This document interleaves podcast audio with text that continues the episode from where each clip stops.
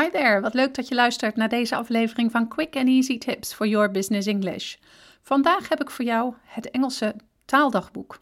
Mijn naam is Anneke Drijver van Improve Your Business English en de auteur van het boek Master Your Business English: Communicate with Power in 7 Simple Steps. Ik help ondernemers en doelgerichte professionals van hun middelbare school Engels af, zodat ze ook internationaal, met impact en vol zelfvertrouwen in het Engels kunnen communiceren.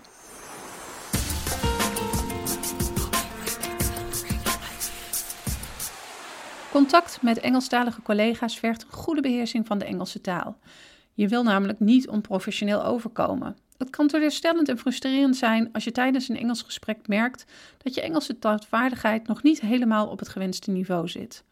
Al helemaal in combinatie met het drukke werkleven kan het moeilijk zijn om veel tijd vrij te maken voor het leren en oefenen van de Engelse taal. Deze podcast biedt een oplossing, namelijk het Engelse taaldagboek. Misschien kun je de blog van een aantal maanden geleden nog herinneren. Deze kwam net voor het einde van vorig jaar uit en gaf je een algemene introductie tot het Engelse taaldagboek. Vandaag ga ik hier dieper op in en geef ik je voorbeelden zodat je direct aan de slag kunt. Eerst een korte recap. Want wat is een Engels taaldagboek precies? Een gewoon dagboek gaat over de gebeurtenissen in je dagelijks leven. Een taaldagboek is vergelijkbaar, maar gaat specifiek over taal. Je kan bijvoorbeeld mijlpalen, dieptepunten en alles daartussenin opschrijven. Het is dus een soort notitieboek waarin je je voortgang bijhoudt. Maar je kan het nog een stuk uitgebreider maken dan slechts een kort verslag over je Engelse taalgebruik van een bepaalde dag. De andere onderdelen die je kunt toevoegen aan je taaldagboek komen straks aan bod. Maar waarom is een taaldagboek nou nuttig? In het werkende leven ben je eigen baas over het leren van een taal. Er zijn geen toetsen of deadlines meer, zoals op de middelbare school, die je verplichten een taal te leren. Dit is natuurlijk fijn, maar het zorgt er ook voor dat er geen druk meer achter ligt. In combinatie met een tijdrovende baan kan het lastig zijn om jezelf te zetten tot het leren van de Engelse taal. Het taaldagboek is daarom de uitkomst. Het kost weinig tijd en energie, maar brengt veel voordelen met zich mee. Het helpt je bijvoorbeeld bij het vinden van motivatie, omdat je je bewuster bent van je eigen proces. Een taaldagboek is namelijk een concreet overzicht van je vooruitgang. De mijlpalen dienen als herinnering van hoe goed het voelt om een bepaald doel te bereiken en de fouten of dieptepunten dienen als besef dat je over je valkuilen heen kunt groeien. Nu ga ik het hebben over de verschillende onderdelen die je kunt toevoegen aan je Engelse taaldagboek. Een dagoverzicht. Een dagoverzicht is het meest voor de hand liggende onderdeel van een taaldagboek. Hierin doe je kort verslag over op welke manier de Engelse taal hebt gebruikt op een specifieke dag. Heb je bijvoorbeeld mailcontact gehad met een collega uit het Verenigd Koninkrijk of heb je een Engelstalige presentatie moeten geven? Kan ook zo zijn dat je Engels moest praten in een vergadering of dat je een Engels gesprek hebt gevoerd bij het koffiezetapparaat. Geef naast het type activiteit ook aan of je het goed vond gaan of niet. Dit kan je bijvoorbeeld doen door een cijfer aan te koppelen. Lukt het je om een vloeiend gesprek te voeren of moest je vaak nadenken over je woordgebruik? Begreep je alles wat je Engelse collega je zei of wist je de betekenis van bepaalde woorden niet? Gebruikte je de correcte grammatica-regels? Stel jezelf kritische vragen. Het is namelijk belangrijk om zo uitgebreid mogelijk te zijn. Dingen die in eerste instantie onbelangrijk lijken, kunnen later toch waardevol zijn. Personal Idiom File, PIF. Maak een PIF waarin je nieuwe woorden opslaat. Het is handig om dit niet per dag te doen. Bundel in plaats daarvan alle nieuwe woorden bij elkaar. Dit kan je bijvoorbeeld handig doen door achter in het dagboek aan de woordenlijst te beginnen of, als je ijverig bent, een apart schrift of boek te gebruiken voor de woordenlijst. Beperk je niet enkel tot het opschrijven van het nieuwe Engelse woord, maar daag jezelf uit meer informatie te noteren. Geef bijvoorbeeld een Nederlandse vertaling van het Engelse woord, het woord type. Is het een zelfstandig naamwoord, een werkwoord of iets anders? De uitspraak en een voorbeeldzin. De voorbeeldzin kan bijvoorbeeld de zin zijn waarin jij het woord als eerste hebt gehoord of gelezen. Je kunt ook woorden in je PIF opnemen die niet compleet nieuw voor je zijn, maar die je zelf nooit gebruikt.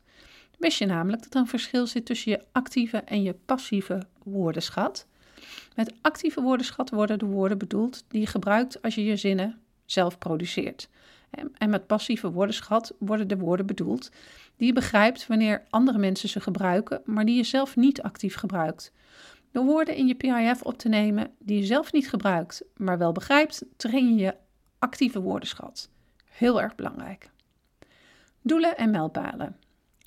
Zorg dat je een duidelijk doel voor ogen hebt. Wil je bijvoorbeeld elke week minstens vijf nieuwe woorden leren? Of wil je je uitspraak verbeteren? Schrijf dit voor jezelf op. Door je doelen te lezen en herlezen blijf je er op een actieve manier mee bezig, wat je gemotiveerd houdt om vooruitgang te boeken. Daarnaast is het belangrijk om je mijlpalen te noteren. Ben je trots op het feit dat je een nieuw woord hebt gebruikt in een Engels gesprek? Schrijf het op. Je mijlpalen opschrijven en lezen dienen namelijk, zoals eerder gezegd, als herinnering van hoe goed het voelt om bepaalde doelen te bereiken. Ook dit houdt je gemotiveerd om verder te leren. Ruimte voor creativiteit en uitdagingen. Daag jezelf uit om creatief bezig te zijn met de nieuwe woorden die je leert. Schrijf bijvoorbeeld een gedicht of een refrein waarin je de vijf nieuwe woorden van je week verwerkt. Of maak een woordweb met verwante woorden. Daarnaast kun je uitdagingen voor jezelf opstellen. Daag jezelf bijvoorbeeld uit om die nieuwe uitdrukking te gebruiken in het eerstvolgende Engelse gesprek dat je voert.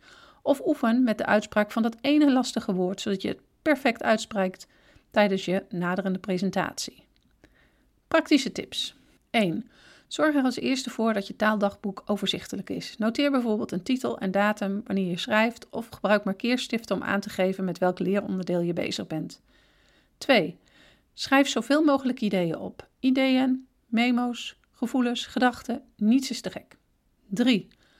Probeer meteen of anders zo snel mogelijk je notities op te schrijven. Wanneer je het bewaart tot later, kan het zo zijn dat je kleine dingetjes vergeet. Toch kunnen zelfs de kleinste aspecten van belang zijn bij het boeken van vooruitgang. Draag daarom je taaldagboek bij je en probeer het zo up-to-date als mogelijk te houden. 4. Lees regelmatig terug in je taaldagboek. Door herhaling en terugkoppeling worden je hersens namelijk extra getraind. 5.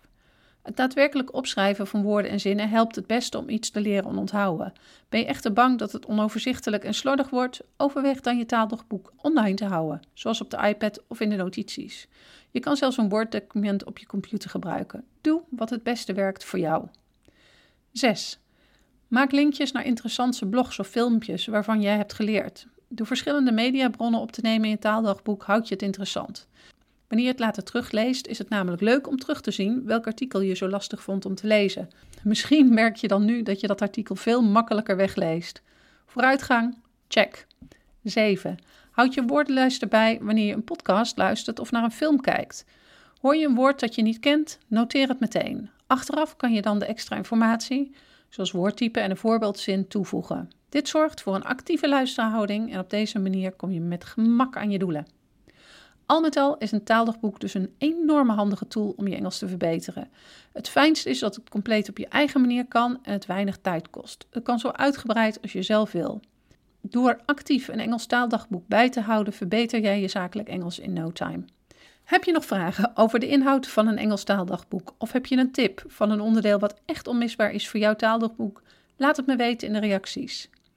Ben je nou op zoek naar nog meer manieren om je zakelijk Engels te verbeteren? Bezoek dan onze website www.improveyourbusinessenglish.nl.